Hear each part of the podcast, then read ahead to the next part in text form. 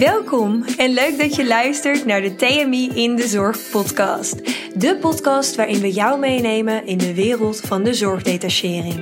Je luistert in deze podcast naar verhalen en interviews over het ondernemerschap, werken binnen verschillende ziekenhuizen en andere zorginstellingen, buitenlandse werkervaringen en nog veel meer. Mijn naam is Lisa Bens, recruiter bij TMI en graag neem ik je mee in de wereld van de zorgdetachering.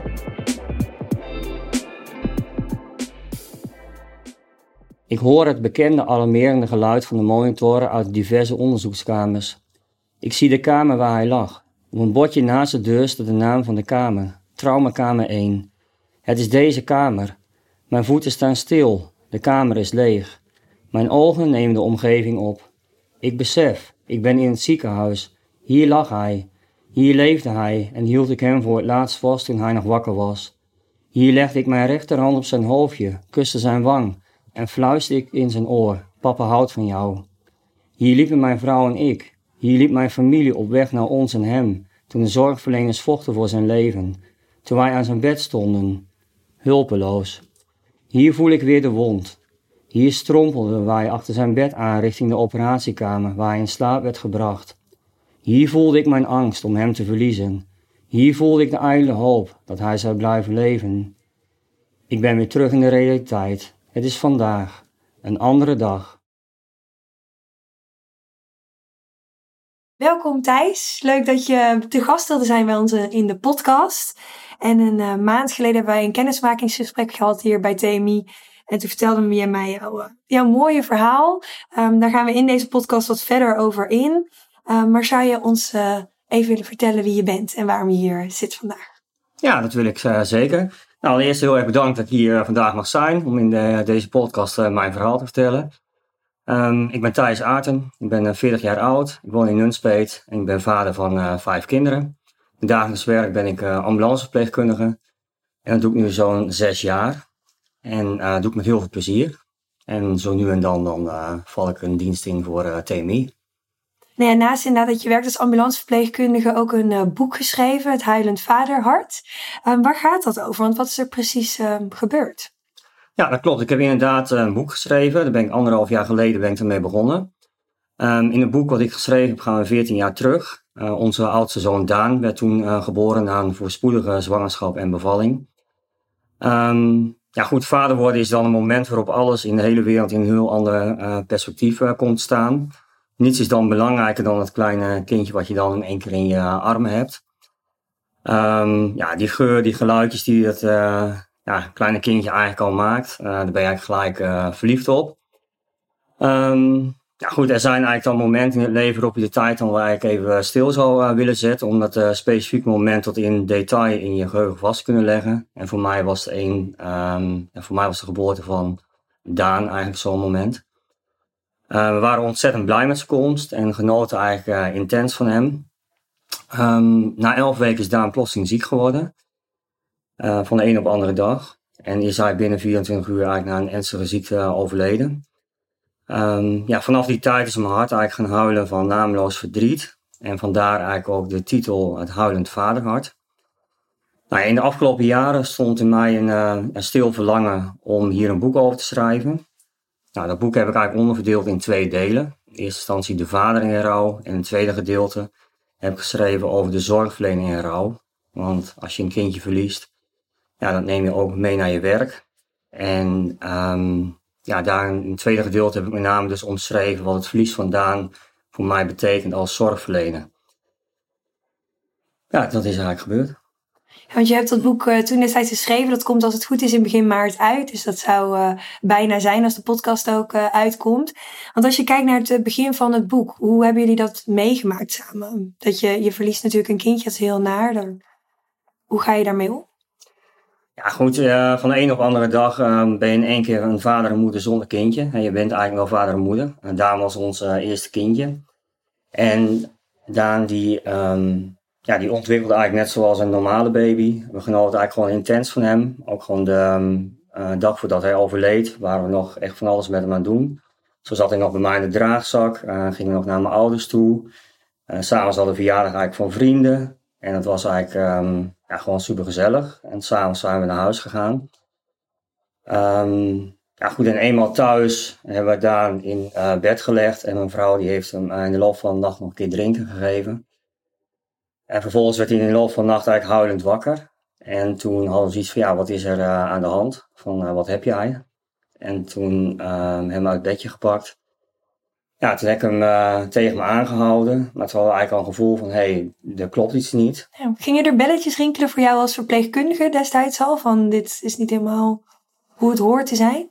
Ja, weet je, op dat moment ben, ben je eigenlijk ook een beetje vader. Ook gewoon een, um, ja, ik was natuurlijk verpleegkundige, maar ik had heel erg weinig ervaring eigenlijk op de kinderafdeling. En heb ik ook niet gewerkt tijdens mijn opleidingsjaren tot verpleegkundige. Dus ja, eigenlijk merk je heel erg dat je vadergevoel gewoon naar boven komt. En bij mijn vrouw heel sterk een moedergevoel. Maar ook met name een beetje het niet-pluisgevoel van hé, hey, er is iets aan de hand, maar je kunt het niet echt te veel opleggen. En dan ben je zo midden in de nacht samen een beetje aan het uh, brainstormen samen met je vrouw. Van, ja, wat kan dit nou zijn? Zijn het nou buikkrampjes of uh, is er nou wat anders aan de hand? Het was natuurlijk weekend. En in het weekend uh, moest je contact opnemen met de huisartsenpost. Um, maar goed, toch in de loop van de nacht liep zijn temperatuur wat op. En toen hadden ze iets van, ja, weet je, dan gaan we toch nog een keer weer terugbellen. En dat hebben we toen gedaan. En toen zei ze toch van, ja, kom toch maar even deze kant op, dan gaan we het uh, beoordelen.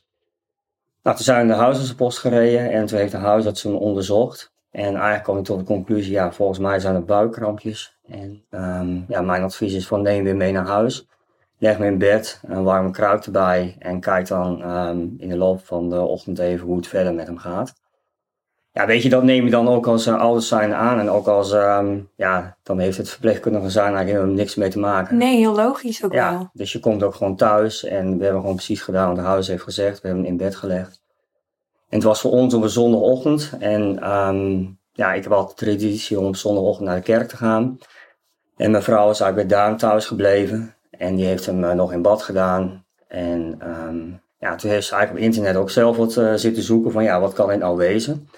En toevallig uh, die avond voordat Daan ziek werd, hadden we dus verjaardag bij vrienden. En daarin sprak ze een vriendin van ons, die werkte op de kinderafdeling. En toen hadden ze het over alarmsymptomen bij ernstig zieke kinderen. Um, ja, daar hadden ze gewoon over gehad.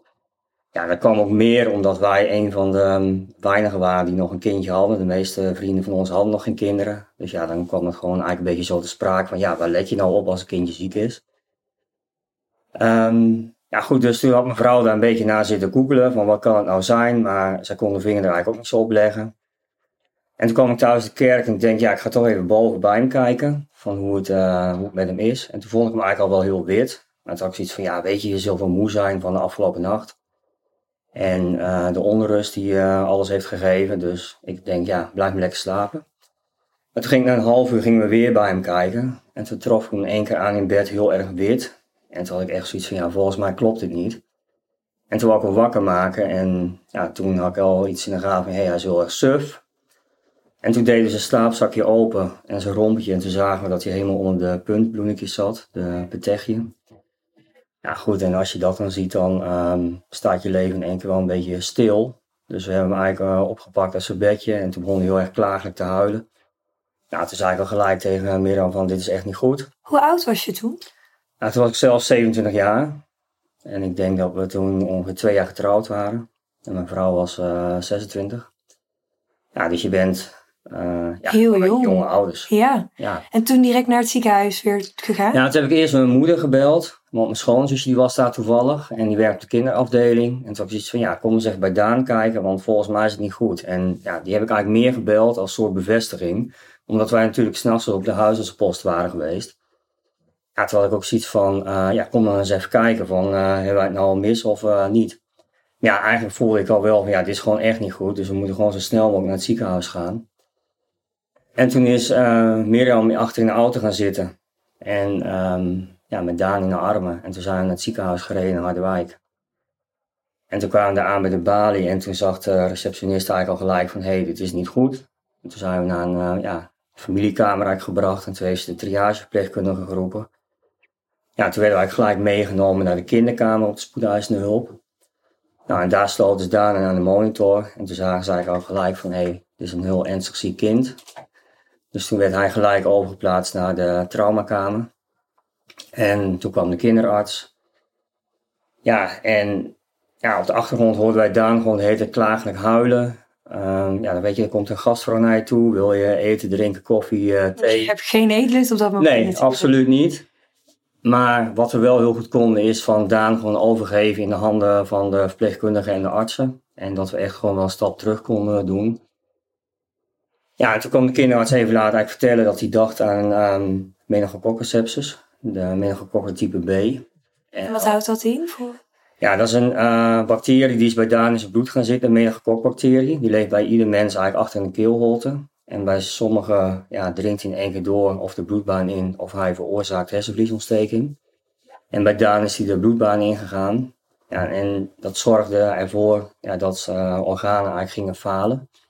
Dus Daan had eigenlijk een uh, septische shock. En was eigenlijk al gewoon uh, doodziek op het moment dat wij op de um, spoedeisende hulp van Sint-Jansen kwamen in Harderwijk. Um, maar voor ons was hij nog wel spreekbaar. En toen werd ons verteld dat hij met spoed overgeplaatst moest worden naar het Wilhelmina ziekenhuis in Utrecht. Omdat ze in Harderwijk gewoon de zorg niet konden geven.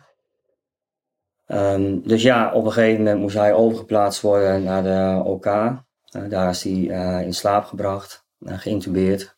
En is hij even later opgehaald door het um, ja, Wilhelmina kinderziekenhuis, door een arts en een verpleegkundige. En is hij overgeplaatst naar het ziekenhuis uh, in Utrecht. Ja, goed, dan um, ben je inderdaad verpleegkundige. En dan sta je aan het bed en dan. Um, kun je toch op dat moment even niks meer? Nee, dan kun je op dit moment even niks meer. En dat wil je dan ook even niet. Want dan wil je op dat moment kun je ook gewoon vader en moeder zijn. Dan gaan er gewoon heel veel gedachten door je heen. En ook als je dan uh, zelf onderweg gaat uh, richting Wilhelmina kinderziekenhuis, want wij zijn achter de ambulance aangereden. En dan, um, ja, dan zie je alles uh, om je heen gaat door. Weet je, alles rijdt op snelweg natuurlijk, van iedereen gaat overal heen. En zelf ga je dan onderweg richting een ander ziekenhuis. Ja, naar je kind toe. Ja goed, en toen kwamen we dan in het Wilhelmina ziekenhuis. En toen werd ons verteld dat hij onderweg eigenlijk wel stabiel is gebleven. Dat hij gewoon echt wel heel ernstig ziek was. En dat ze echt wel ook wel um, vreesde eigenlijk voor zijn leven. Ja goed, en uh, op dat moment zijn onze ouders eigenlijk ook uh, bij ons gekomen. Die, uh, sommigen waren in Harderwijk al um, ja, mijn ouders waren in Harderwijk al even gekomen. Maar Mirjam's ouders zijn eigenlijk doorgereden naar Utrecht eigenlijk gelijk. En ja, op een gegeven moment zit je dan uh, samen aan het ziekbed van je ernstig ziek kind. En dan um, ja, is het uh, hopen bidden van dat hij uh, er bovenop komt. Maar goed, in de loop van de avond en de nacht dan zie je toch wel dat het steeds verder achteruit gaat. En dat je denkt van, ja, dit gaat gewoon niet de goede kant op. Ja, en op een gegeven moment werden we ook gevraagd om een, voor een familiegesprek. Nou, toen werd ons ook verteld dat alles wat ze deden, de medicijnen die ze toedienden, de antibiotica die ze gaven, ja, dat het eigenlijk uh, niet het gewenste resultaat had. En toen moesten we op een gegeven moment midden in de nacht eigenlijk een keuze maken van, ja, hoe lang willen we nog doorgaan eigenlijk met de behandeling. En toen eigenlijk om ehm, ja, half vier we zijn eigenlijk de behandeling al gestopt. Maar die keuze laatste dus, en dat lijkt me een hele moeilijke keuze als ouder zijnde ook. Ja, het is een hele moeilijke keuze, maar je staat aan het bed van je ernstig ziek kind. En uh, de meningococcus sepsis, dat is een uh, verschrikkelijke ziekte. En je ziet op een gegeven moment dat um, ja, door de stollingstoornissen die ontstaan, dat een, ja, bijvoorbeeld een handje begint af te sterven of een oortje en er steeds meer puntbloedjes eigenlijk ontstaan. Um, weet je, een arts die vertelt dan um, ja, hoe het hele verder verloop is. En dat het eigenlijk gewoon ook bij Daan niet met het leven verder verenigbaar is. Ja, en dan ja, hadden wij als ouders gewoon de kracht om zijn leven eigenlijk in, um, ja, omdat we een christelijk geloof uh, hebben, in uh, Gods hand eigenlijk neer te leggen. En dachten van ja, uh, wat u dan wil doen met Daan, dat is dan goed. En zo konden we het eigenlijk ook loslaten. En op een gegeven moment, rond half vijf, is Daan in de armen van mijn vrouw gelegd. En zijn de medicijnen gestopt en is de beademingsmachine gestopt en is die ja, al vrij snel daarnaast die overleden. Jeetje, en dan ja, begint het hele rouwproces natuurlijk, want wat gebeurde er daarna? Ja, daarna dan inderdaad, dan uh, val je in één keer in heel gat en dan heb je natuurlijk hele intensieve uren al gehad. Um, gelukkig kregen we de mogelijkheid om Daan zelf te verzorgen, samen met verpleegkundige in het ziekenhuis. Um, er werden voetafdrukjes gemaakt, uh, we mochten Daan wassen en aankleden.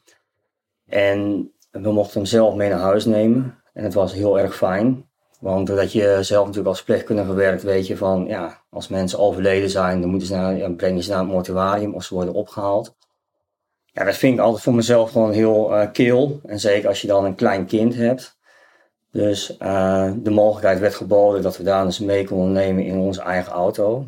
Uh, vooraf hebben ze wel de politie daarover ingelicht. Van dat we een overleden kindje mee naar huis namen. Mocht onderweg wat gebeuren. Ja, dus we hebben Daan uh, meegenomen en ik uh, zat bij mijn vader uh, achter in de auto met Daan dan in mijn armen. En dan, um, ja, dan, zie je onderweg de zon opkomen. En je ziet weer iedereen naar het werk gaan. Ja, en wij gaan dan naar huis met ja, een overleden kindje. Ja goed, en thuis heb ik um, Daan in de armen van Mirjam gelegd. Ja goed, en dan komt alles in één keer natuurlijk op je af. Want alles staat in huis. Zijn box, zijn bedje, Um, je hebt geen kindje meer om voor te zorgen, omdat uh, Daan ons eerste kindje was. En ja, dan moet je alles gaan regelen voor de begrafenis. En dat hebben we gedaan samen met onze ouders erbij. En ja, dan uh, begint eigenlijk een week waarin je gewoon heel veel bezoek krijgt. Uh, je familie komt, je vrienden komt. En wat je dan met name merkt, tenminste wat wij merkten, zeker in de eerste week, is dat wij met name onze familie en vrienden aan het troosten waren. In plaats van het andersom uh, soms Ja, dat zie je net ook heel vaak. Je bent meer andere mensen aan het uh, comfort aan het bieden dan jezelf. Ja, dat klopt. Maar dat komt denk ik omdat je zelf al uren hebt gestaan aan het ziekbed van je kind. En je hebt zelf intens beleefd um, ja, zijn proces rondom het sterven. daar was je natuurlijk zelf bij. Ja, en een buitenstaander heeft dat niet meegemaakt. En uh, ja, ze willen jou graag troosten, maar ze weten eigenlijk ook niet wat ze moeten zeggen. En dat begrijp ik eigenlijk ook heel goed. Omdat ja, er zijn eigenlijk woorden voor dit verdriet. En want ik heb wel eens gehoord van, uh, en dat heb ik ook een stukje over in mijn boek geschreven, van als een, um, een man zijn vrouw verliest, dan noem je een weduwnaar. En als een vrouw een man verliest, dan noem je een weduwe. Ja, als een kind zijn vader en moeder verliest, dan noem je het wees. Maar ja, eigenlijk zijn er helemaal geen woorden voor als ze een kind verliezen. En dat vond ik eigenlijk zo mooi, want het is eigenlijk gewoon zo. Er zijn eigenlijk ook geen woorden voor. En je moet het, um, als je het zelf meemaakt, ja, dan weet je eigenlijk pas wat het is. En zo ging het eigenlijk ook in de eerste week gewoon bij ons. Van, um, hè, dat we bij het bedje vandaan stonden. En samen met onze vrienden of met onze familie. En dan spraken we over Daan en over uh, ja, zijn korte leven eigenlijk bij ons. Ja, goed, en het gaf hele mooie momenten, maar ook gewoon hele moeilijke momenten. Maar met name konden we gewoon ook wel anderen tot troost zijn. En bij ons kwam eigenlijk de impact van zijn verlies gewoon in de week nadat hij begraven was. Ja, want toen ging je daarna, na die week, weer terug naar werk? Of heb je even, want je zat toen in opleiding tot CCU-verpleegkundige. Ja, dat klopt. Eigenlijk uh, de week na, zijn, uh, na de begrafenis zijn we een weekje uh, op vakantie gegaan. Om een weekje afstand te nemen eigenlijk van alles. En mijn vrouw had borstvoeding. Dus je betekende, ja, betekende ook dat in één keer ook de borstvoeding uh, stopte. Uh, Mirjam heeft er toen zelf voor gekozen om de borstvoeding helemaal af te bouwen.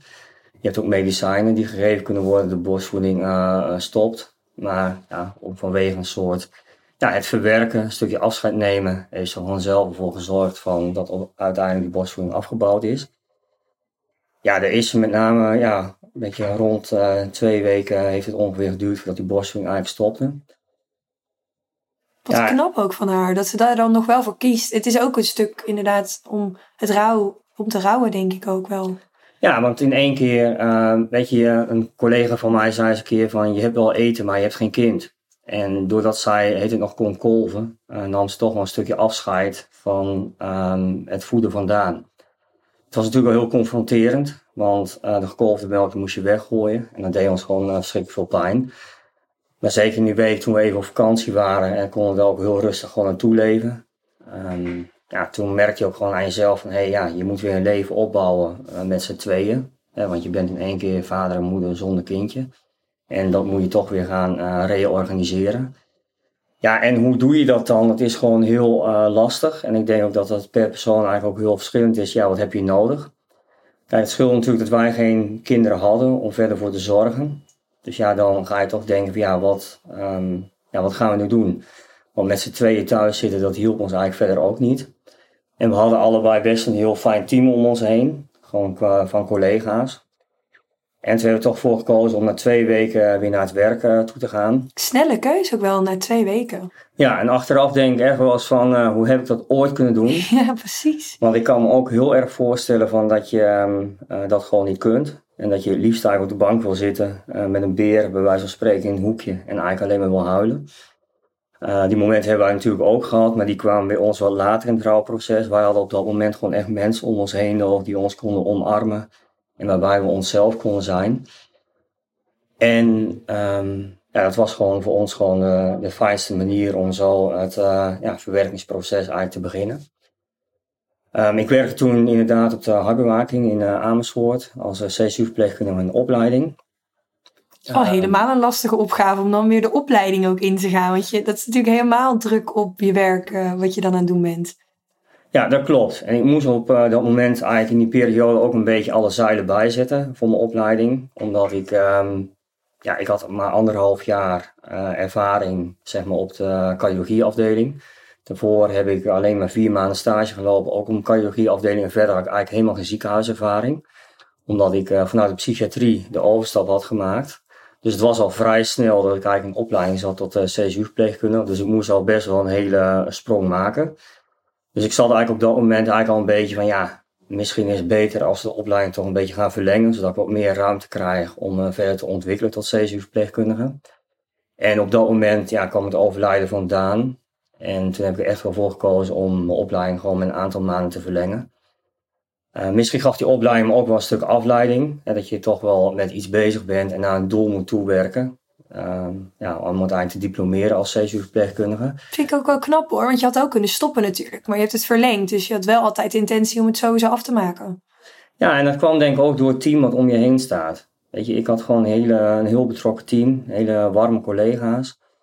Uh, zeker toen ook uh, de eerste dag toen ik terugkwam, ja, dan merk je ook van dat zij ook gewoon mensen zijn. En normaal gesproken dan kunnen we als verpleegkundige uh, heel goed familie troosten. Uh, zeker wanneer je bij sterfgevallen staat. Ja, en nu kwam een collega op het werk die zijn kind had verloren. Want ik weet nog dat ik belde naar de CCU dat daar was gestorven. En dat gewoon de hoorn weer op de haak werd gelegd van... ja, die verpleegkundige wist eigenlijk niet wat hij moest zeggen. Die schrok er zo van. Dus dat van ja, ik, ik moet even tot mezelf komen. Dus ik heb daarna nog een keer opnieuw gebeld. En gezegd van ja, het is echt waar wat er gebeurd is. En uh, ja, toen had die verpleegkundige wel de ruimte om met mij uh, erover te spreken. Dus je merkt ook gewoon bij hen, was het ook gewoon heel erg moeilijk om over dit verlies te spreken. En zeker in de eerste week merkte ik ook van ja, dat ik ook met name ook bezig was om mijn collega's daarin tot steun te zijn. Ja. En dat scheelt dat ik dan een makkelijke prater ben. Maar voor mensen die dat niet zijn, dat is ook lastig. Ja, dat maakt het gewoon wel een stuk lastiger. Zeker als je eh, als collega gewoon heel moeilijk over je verlies kunt spreken. Ja, dan merk je denk ik op een gegeven moment toch wel dat er uh, ja, iets tussen zit. En dat je het voor de ander ook misschien juist moeilijker maakt om uh, over het verlies te beginnen. En ja, doordat er zelf gewoon heel open op was, gaf je de ander ook de ruimte om vragen terug te stellen. Ja, en zo is het eigenlijk in de weken die volgden eigenlijk verder verlopen. En kon ik langzaam zeker toch weer de opleiding oppakken tot CSU-verpleegkundige. En kon ik die opleiding uh, na een aantal maanden toch uh, afronden. Ja, want daarna ben je zelfs nog doorgaan naar de spoed ook. En nu ben je uiteindelijk ambulanceverpleegkundige. Hoe heb je dat in, in ruimte gegeven ook voor je verlies? En hoe ben je daarmee zo verder doorgegaan ook? Ja, weet je, op een gegeven moment dan uh, ben je klaar met je opleiding tot uh, CSU-verpleegkundige en dan ga je werken als CSU-verpleegkundige. En ik had heel erg naar mijn zin op de hartbewaking. Met name het stuk begeleiding van um, patiënten die acuut zijn opgenomen. Hè, want vaak is um, een opname op een hartbewaking acuut, doordat mensen een uh, acuut hartinfarct krijgen. Um, ja, toen merkte ik ook van dat ik op een gegeven moment ook de vader was in rouw, maar ook gewoon de zorgverlener in rouw. En ik merkte een beetje aan mijn collega's, en dat lag denk ik meest aan mezelf, van dat ze me ook zo zagen. En eigenlijk op een gegeven moment merkte ik dat ik gewoon een afdeling of ja, een ander team nodig had waarin ik gewoon uh, blanco eigenlijk begon. Tenminste, ik dacht dat dat goed was. Van, uh, om ergens anders te beginnen, uh, waar niemand mij kende, waar niemand mijn verhaal kende. En um, ja, zodat ik dat stukje van Daan min of meer in mijn werk eigenlijk een beetje kon achterlaten. Dus toen op een gegeven moment, toen was mijn vrouw ook zwanger van ons tweede kindje. En daar keken we heel erg naar uit. En toen had ik wel zoiets van, ja, misschien wil ik gewoon dichter bij huis werken. Ook logisch wel. Ja, ook gewoon omdat je dan gewoon sneller thuis bent en je hebt niet zo'n lange reistijd. Dus dan ging ik om me heen kijken en toen had ik zoiets van, ja, maar wat wil ik dan? En toen had ik zoiets van, ja, weet je, de IC, dat trok me ook gewoon wel. Um, ook al voordat ik naar de hartbewaking had, zoiets van, ja, zal ik naar de IC gaan of naar de hartbewaking? Maar omdat voor mij de overstap vanaf de cardiologie makkelijk was naar de hartbewaking, had ik zoiets van, ja, weet je, ik ga eerst de CSU doen en dan zie ik later misschien wel of de IC-opleiding nog gaan doen. Omdat het gewoon toch wel wat meer verdieping geeft op veel meer uh, vlak. Hier ben je natuurlijk op de hartbewaking alleen bezig met het cardiale. Op die IC is het gewoon wat breder. Veel breder, ja. Veel breder. Maar ik denk dat je wel een goede keuze hebt gemaakt omdat je ook vanuit uh, psychiatrie kwam en dan meteen in de IC. Ja, dat klopt. Nou, dat is ook zo. Want uh, ja, ik denk ook niet dat, dat, uh, dat ik door de selectie heen kwam. Omdat ik natuurlijk eerst vanuit de psychiatrie, meestal de IC, hebben ze lief dat je ook ervaring opdoet op de chirurgische afdelingen. En die ervaring die had ik niet. Dus voor mij was dit ook de meest logische stap om eerst naar hartbewaking te gaan. Ja, toen heb ik eigenlijk gesolliciteerd op een gegeven moment in het ziekenhuis in Jans in Harderwijk. Ook op de hartbewaking. En het was een hele um, ja, wat kleinere afdeling. Daar hadden ze vier of vijf bedden. En ik kwam van een uh, af waar ze 16 bedden hadden. maar op de hartbewaking van het Sint-Jans ziekenhuis werkten ze ook al veel samen met um, intensive care. Die afdelingen lagen naast elkaar. Dus ik had zoiets van, nou, misschien als ik op de CSU werk, dan kan ik in de loop van de tijd de IC-opleiding gaan doen. Maar goed, we waren dus ook in het Sint-Jansen geweest met Daan. Ik wou het net zeggen inderdaad, want dat is natuurlijk wel weer een stukje waar je al dat soort dingen hebt meegemaakt met het verlies van je kind. Ja, dat klopt. En voor de tijd was ik er niet zo van bewust uh, van uh, dat het zo'n impact eigenlijk kan hebben. Dus ik had gewoon mijn brief de deur uitgedaan en ik had zoiets van, ja weet je, ik, uh, ik ga die uitdaging aan, ik wil gewoon liefst dichter bij huis werken. En dan denk je, ja, gewoon ook meer aan je privé. Dus toen heb ik gesolliciteerd en toen ben ik op gesprek geweest. En toen ik voor het eerst in het Sint-Jansen ziekenhuis kwam, had ik wel zoiets van, uh, oké, okay, hier zijn we dus ook met Daan geweest. Um, nou goed, dat deed wel wat met me. Maar goed, ik kwam niet direct op de afdeling terecht waar uh, Daan had gelegen. Uh, dus ik had een gesprek gehad en ja, daarin kwam natuurlijk ook wel het verlies van Daan naar voren. Ook wel dat we hier in dit ziekenhuis waren geweest. Maar ik was vol van overtuigd eigenlijk van dat het me niet in de weg zou staan en dat ik juist de meeste behoefte had aan een, um, ja, een nieuw begin, eigenlijk als het ware. Um, nou goed, toen werd ik ook aangenomen met garantie dat ik ook mocht starten met IC-opleiding. Uh, dat zagen ze wel uh, in me. Dus daar was ik eigenlijk heel erg blij mee. Het zal betekenen dat ik eerst een paar maanden zou werken op de hartbewaking. En van daaruit de overstap zou maken naar de intensive care in de loop van de maanden. Nou, dat betekent dus dat je afscheid gaat nemen van een team waarmee je heel veel hebt meegemaakt. Ja, precies. Want zij hebben je natuurlijk altijd getroost. Dus het lijkt me hard moeilijk om naar weg te gaan. Ja, dat was ook uh, zo. Het was ook heel erg moeilijk. Maar op een gegeven moment leef je daar ook gewoon naartoe. En meer ook gewoon echt in mijn achterhoofd zoiets van... Ja, weet je, ik wil gewoon ergens opnieuw beginnen. Gewoon weer een nieuwe, uh, ja, een nieuwe frisse start. Dus dat afscheid uh, nemen, dat ging eigenlijk gewoon heel... ja, het was gewoon, gewoon heel warm. En um, ja, als ik terug zou komen, dan was ik weer hartstikke welkom. En met zo'n gevoel ben ik eigenlijk weggegaan. En toen ben ik dus gestart in Harderwijk in het uh, ziekenhuis op de hartbewaking. En de eerste paar dagen, nou ja, goed, dan is alles nieuw. En dan, um, ja, dan ga je inwerken. En het was natuurlijk een afdeling met vier bedden, dus het was uh, veel minder hoge turnover dan op de hartbewaking Amersfoort. Dus je doet als het ware ook gewoon ja, iets rustiger aan. En zeker in het begin, um, dan heb je gewoon de gelegenheid om te wennen. Maar dat gaf mij ook gelijk de gelegenheid om gewoon meer na te denken. Daar kreeg je gewoon meer ruimte voor. En naarmate ik uh, in die weken, ja, zeg maar die volgden, uh, naar het ziekenhuis ging, merkte ik dat het verlies van Daan gewoon bij mij gewoon toch wel meer naar de voorgrond kwam staan.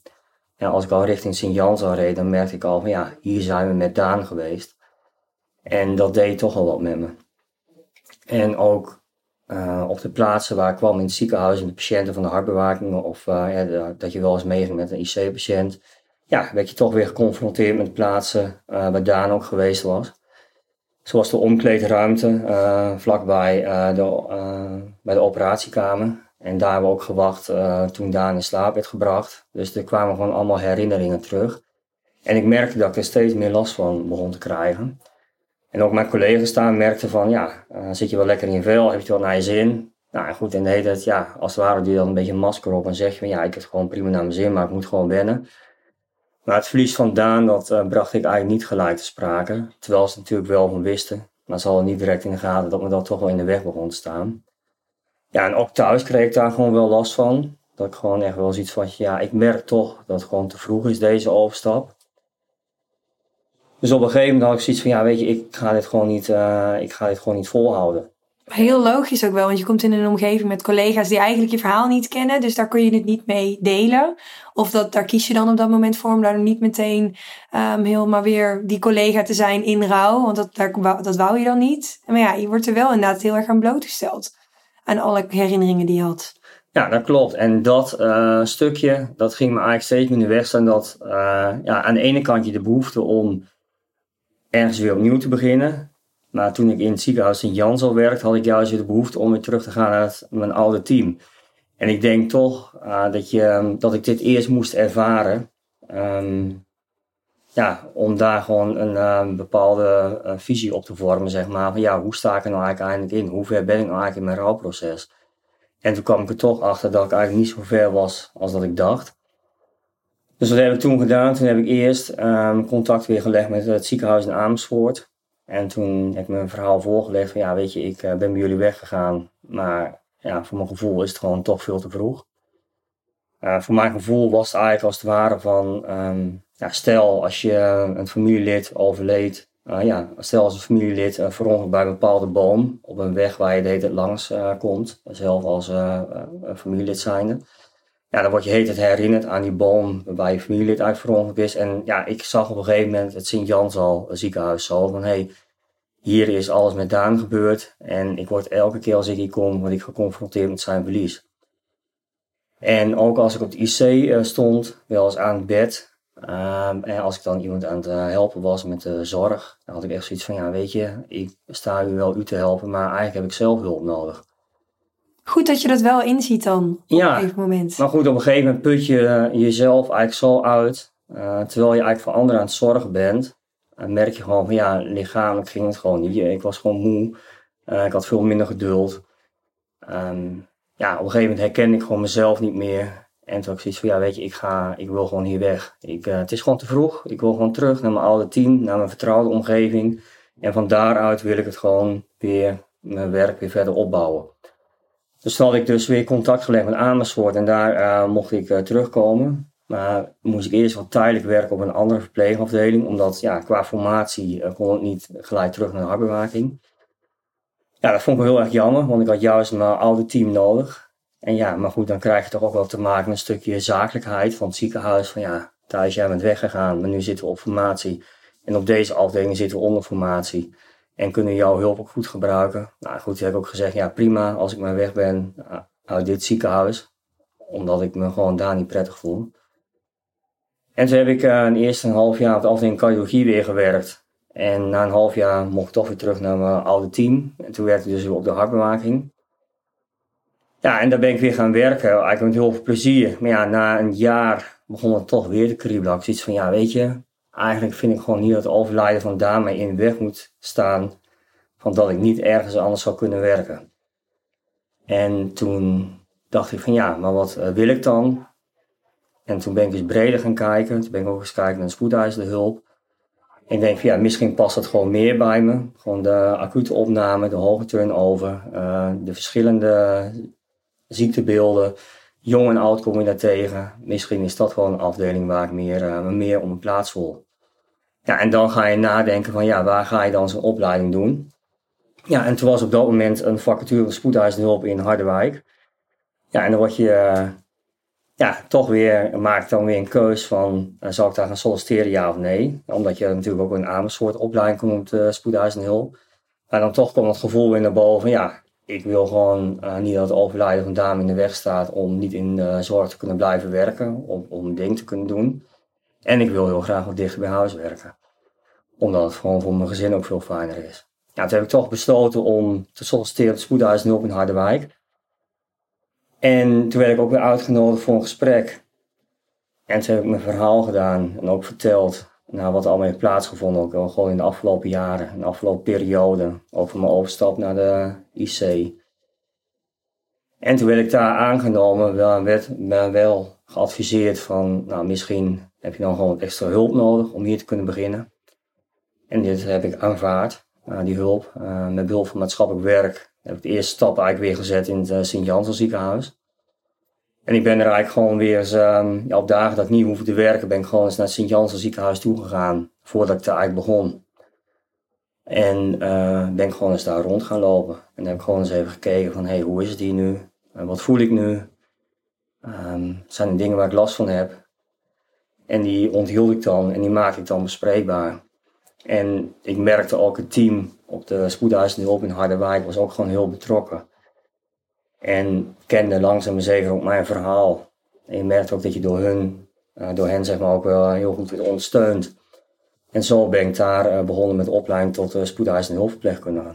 Maar het ziekenhuis heeft dus eigenlijk ook dat advies gegeven om met een maatschappelijk werker daar uh, aan te werken ook. Ja, ja, zeker na, de, na het sollicitatiesgesprek ook wel eens iets van, ja, weet je, um, nou, toen ik het al met aangenomen was ik zoiets van, nou, misschien heb je gewoon extra hulp nodig.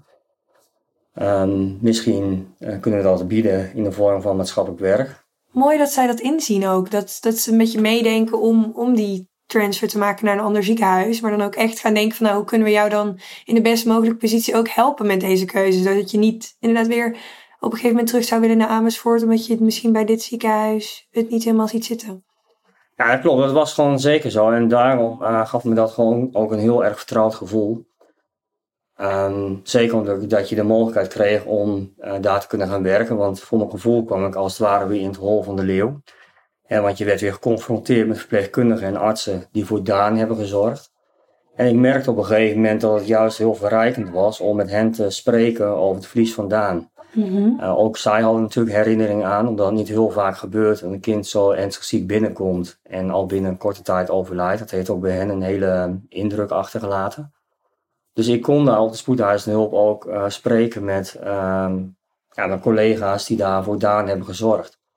En door mijn verhaal te vertellen en doordat ik daarin mijn ei kwijt kon, merkte ik dat ik gewoon meer ruimte kreeg in mijn hoofd en in mijn hart. Uh, om dan te kunnen gaan werken op een afdeling uh, wat zo verweven is met verlies vandaan. Kijk, en uh, als ik dan mijn dienst begon, daar zo op de spoedhuisende hulp, ja goed, dan moet je natuurlijk je controles doen, s ochtends vroeg, van heel veel alle apparatuur werkt. Ja, en dan liep ik s ochtends wel eens een traumakamer. Ja, en dan kon ik me bedenken, ja, hier lag Daan. En dan stond ik gewoon op dat moment was even bewust stil van ja, hier lag hij. En uh, ja, dan nam ik de omgeving eigenlijk in me op. Ja, en gaandeweg werd die omgeving gewoon heel anders. En begon ik het eigenlijk als het ware meer te koesteren. En uh, kon ik er steeds meer loszien uh, van mijn eigen situatie. En ook gaandeweg de periode dat ik merkte ik gewoon dat ik juist energie kreeg om voor ouders te zorgen en voor ernstig zieke kinderen. Omdat dan je, ehm, ja, je eigen gevoel, je eigen ervaring uh, kun je daarin meenemen. En ik merkte dat ik dat gewoon heel erg verrijkend vond en dat het me dan gewoon heel veel voldoening gaf.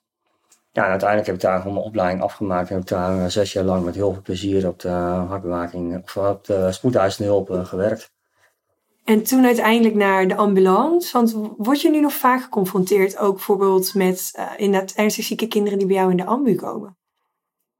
Ja, inderdaad. Uiteindelijk heb ik de overstap gemaakt naar de ambulancezorg. Omdat ik op een gegeven moment merkte van... Um, ja, je wilt toch een stukje zelfstandigheid. Ambulancezorg trok me heel erg, uh, omdat je toch bij iedereen achter de voordeur naar binnen stapt. Uh, je bent ook weer met uh, van klein tot groot ben je eigenlijk bezig. heel veel diverse ziektebeelden passeer je. Dus ik had zoiets van, ja, ik wil toewerken naar een stukje zelfstandigheid samen met de ambulancechauffeur. Dus uiteindelijk ben ik dus ook aangenomen bij de ambulancedienst. En ook daarin word je inderdaad ook geconfronteerd met hele ernstig zieke kinderen.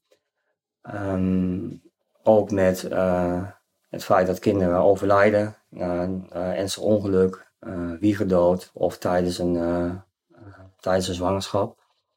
dat heb ik nu een aantal keren meegemaakt dat dat gebeurde. En ik merk dan gewoon juist heel erg dat je ervaring die ik heb opgedaan, naar aanleiding van het, eh, verlies van Daan, dat ik dat dan uh, probeer te verweven in mijn werk.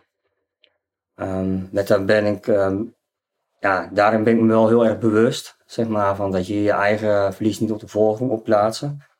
Omdat je toch ja, in één keer met ouders geconfronteerd worden die op dat moment ja, hun kindje verliezen. En als je dan heel erg met je eigen gevoel op de voorgrond gaat plaatsen van hé, hey, ja, dit heb ik ook meegemaakt of dat heb ik ook meegemaakt. Ja, daar hebben die ouders op dat moment niks aan, want op dat moment is het hun kind uh, die zij verliezen. Maar ik probeer tussendoor wel uh, hier en daar gewoon uh, ja, dat proces eigenlijk wat te sturen. En dat vind ik gewoon een hele mooie uitdaging om dat op dat moment eigenlijk te doen. Ja, want jij weet natuurlijk wel precies hoe, dat gevoel is. Zoals je al zelf zegt, veel collega's weten niet hoe ze jou moeten troosten. Heb je wel het gevoel dat jij weet hoe, hoe die mensen dan zou kunnen troosten? Omdat je weet wat het gevoel is? Ja, je weet gewoon precies van uh, op het moment dat je je kind verliest, dan, um, um, ja, dan uh, zat de wereld zeg maar, onder je, of de grond eigenlijk onder je voeten vandaan. In één keer um, gebeurt er gewoon zoveel. Uh, met je dat ja, je soms eigenlijk ook helemaal niet meer na kunt denken. Ja, dan probeer ik gewoon toch stap voor stap gewoon de alles te begeleiden in zo'n proces. En dan ligt natuurlijk ook echt wel aan van ja, uh, wat, uh, waar kom je voor? is het een kindje wat verongelukt is? Of is het een kindje wat sterft aan uh, wiegedood? is natuurlijk wel een heel, ja, daar ligt een heel verschil in. of een verwacht overlijden van een kindje, daar ligt natuurlijk ook een heel verschil ja, wat ik dan met name gewoon probeer is van om um, ja, ouders zo dicht mogelijk bij hun kind te laten. En dan denk ik toch van dat je um, moet kijken, eigenlijk uh, proberen door de ogen van degene die een kindje verliest. Van wat, dat je denkt van hé, hey, wat heeft uh, deze moeder of deze vader eigenlijk op dit moment nodig? Wat zal ik zelf heel erg fijn vinden? En dat je dat zelf misschien even kort bij jezelf gaat nadenken van ja, wat wil ik, wat zal ik op dit moment willen? En wat met name denk ik heel belangrijk is dat je dingen gewoon bespreekbaar maakt. Alles wat bijvoorbeeld in je opkomt, van benoem het ook gewoon. Van, ja, misschien vindt u het wel fijn dat u een kindje nog even in uw armen heeft. Of misschien vindt u het wel fijn als we nog wat foto's maken. Um, ja, dat zijn gewoon hele belangrijke dingen. Zeker ook omdat ouders um, ja, op dat moment er zelf ook niet aan denken. en dat het gewoon heel waardevol is dat je dat als zorgverlener gewoon wel doet. Van, omdat jij toch van een bepaalde afstand naar deze ouders kijkt. Ja, en daarnaast uh, zou ik ook gewoon proberen dat je, ja, probeert je emotie, dat je niet te veel laat leiden door je emoties. Uh, die komen vaak wel achteraf. Maar gewoon op dat moment hebben ze eigenlijk jou als zorgverlener gewoon nodig. En klampen zich als het ware aan jou vast van ja, help me, want ik weet niet hoe ik hier gewoon mee verder moet. Ja, en als je dan stap voor stap deze ouders dan gewoon in begeleidt en heel veel tijd neemt, zeker ook het stukje afscheid nemen, van um, laat het moment dat die moeder dat kind vast heeft of die vader, ja, laat het maar zo lang mogelijk duren. Van um, ja, sta hen daar gewoon niet in de weg. Op een gegeven moment uh, komen ouders zelf wel van ja, het is nu genoeg. Of wat moeten we nu? Ja, en dat is dan voor jou als zorgverlener het moment om weer een nieuwe stap te zetten in het uh, verdere proces ik denk dat dat met name gewoon heel erg belangrijk is. En het boek wat jij geschreven hebt, met welke idee begon je daarover? Ook om dit soort mensen juist te ondersteunen of om mensen met het soortgelijke ervaring ook een, um, een handvat te geven? Ja, ik liep eigenlijk al jaren rond met het idee uh, om alles wat gebeurd is rondom het verlies van Daan uh, gedetailleerd aan het papier toe te vertrouwen. je moet er voor jezelf aan toe zijn om te gaan schrijven. En na die aantal jaar had ik voor mijn gevoel eindelijk het verhaal een beetje compleet. Ook door de ervaringen die ik zelf opgedaan tijdens mijn werk. Nou, in de eerste plaats heb ik eigenlijk geschreven het boek uit Liefde voor Daan. En door het schrijven van dit boek wilde ik eigenlijk een korte herinnering, ja, of eigenlijk een waardevolle herinnering aan zijn korte leven eigenlijk nalaten. Um, in de eerste plaats herinnering voor mezelf, maar ook voor mijn vrouw en voor mijn kinderen. Nou goed, daarnaast werd ik dus in mijn werk geconfronteerd met uh, alles die een kind verliezen. En dat uh, raakt gewoon enorm hard. En bij deze ouders zie je dus de radeloosheid, maar ook bij hulpverleners en familieleden die om deze ouders heen staan, zie je toch de onmacht. En heb je zoiets van, ja, wat moeten we eigenlijk nu? van help ons, weet je wel. Um, nou ja, goed. En met mijn boek ja, hoop ik eigenlijk van dat mensen die het zelden meemaken te steunen. En de kring om deze mensen één eigenlijk een handvaat te bieden. Nou, die kring dat bestaat dus uit familieleden, maar ook zorgverleners die op dat moment geconfronteerd worden met, het, met een verlies. Nou, ik vind eigenlijk dat iedereen iets moet weten over vanwege het verlies van een kind. En, maar wat ik wel belangrijk vind is, ja, door het schrijven van een boek, en dan wil ik wel benadrukken dat het niet is van ja, hoe het moet, maar hoe het eventueel zou kunnen zijn. Want elk verlies is ook wel anders, elk rouwproces is ook wel anders. Iedereen, ja, iedereen reageert ook weer anders. Ja, en dat is eigenlijk een beetje de reden waarom ik toch wel ben gaan schrijven, zeg maar. Gewoon met name om anderen tot steun te kunnen zijn. Mooie gedachtegang wel uh, daarachter. Want wat voor andere tips heb je nog om mee te geven? Dat je denkt, dit is iets wat ik nog verder in de, in de wereld zou willen brengen. Naast dat je dit mooie boek hebt geschreven, die over twee weken dan in de schappen ligt. Ja, eigenlijk is het met name wat heel erg belangrijk is, wat ik net al ook al aangaf, dat je dicht bij jezelf moet blijven. Want rouw is eigenlijk heel uitputtend. Maar ook als zorgverlener blijf gewoon dicht bij jezelf. Laat je emoties ook gewoon zien. Dat doet ouders ook gewoon goed. Van hey, kijk eens, die verpleegkundige die helpt ook om het verlies. Um, daarnaast is het ook heel erg belangrijk van wat voor jou goed voelt. Dat moet je eigenlijk ook gewoon doen. wel binnen de grenzen van de mogelijkheden die er eigenlijk op dat moment ook zijn. Um, ja, wat ik verder gewoon heel erg belangrijk vind is, zeker als je als zorgverlener ook te maken krijgt met een verlies van een eigen kindje, uh, dat je gewoon ook daarin ook gewoon uh, dicht bij jezelf blijft. Dat je denkt van ja, hoe, om weer te gaan werken zeg maar, van wanneer is de juiste stap om weer terug te gaan naar je werk. Van dat je daarin ook gewoon voor jezelf gewoon echt wel tijd neemt. Ja, voelt het niet goed, blijf dan gewoon nog lekker thuis. Maar heb je wel zoiets van ja, ik wil gewoon wel weer gaan werken begin dan bijvoorbeeld je werk eerst eens even een bak koffie doen op het werk. Tenminste, dat heb ik wel ervaren, want dat heb ik persoonlijk niet gedaan. Maar ik merkte achteraf, ik denk van ja, misschien was het beter geweest als ik eerst eens even koffie kwam drinken. Of dat ik zelf mijn teamgenoot eens even een mail uh, stuur van hey, hoe het op dit moment gewoon met me gaat. Uh, zodat ook mijn collega's al een beetje voorbereid zijn van, um, nou, Thijs, die zit zo in zijn vel. En uh, hij vindt dit en dat prettig. Dat ze daar, dat we eigenlijk al als het ware al een beetje weten. Ja, en wordt het je gewoon te veel het werk als zorgverlener van, uh, ja, geef het dan ook gewoon aan. En ga dan ook gewoon uh, eerder naar huis. Of neem tussendoor gewoon eens een paar weken rust. Om het daarna gewoon je werk langzaam maar zeker gewoon weer op te pakken. Ik denk dat dat gewoon hele belangrijke dingen zijn. Ik vind dat goede tips die je geeft, inderdaad, voor en zorgprofessionals die, die het niet hebben meegemaakt, maar het inderdaad wel van de eerste lijn zien. En mensen die het echt persoonlijk meemaken, zoals jezelf. Dus uh, daar wil ik je heel erg voor bedanken. En ook bedankt voor het delen van dit uh, heel erg mooie verhaal. En ik wil je heel veel uh, succes wensen met het, met het verspreiden van je boek, waar wij hopelijk een klein stukje mee kunnen helpen. Nou, hartstikke leuk dat ik hier aanwezig mocht zijn. Um, mocht jullie nog wat uh, met me willen delen, dat kan altijd. Uh, ik heb een mailadres, heb ik ook in mijn boek geschreven. Dat is huilendvaderhart.hotmail.com. Uh, het is altijd leuk. Als je verder iets meer wil weten, ben ik altijd bereid om ja, nog wat informatie verder te geven. Super leuk dat je weer luistert naar een aflevering van de TMI in de Zorg podcast. Wist je dat je snel en simpel een review kan achterlaten om te laten weten wat je vindt van deze podcast? Of wil je voortaan op de hoogte gehouden worden van alle nieuwe afleveringen achter elkaar? Klik dan op de button subscribe en abonneer je op deze TMI in de Zorg podcast. Ben je door deze podcast nu enthousiast geworden en ben je benieuwd naar de mogelijkheden voor jezelf? Volg ons dan op Facebook of Instagram. Of meld je aan voor een oriënterend kennismakingsgesprek via www.tmi.nl.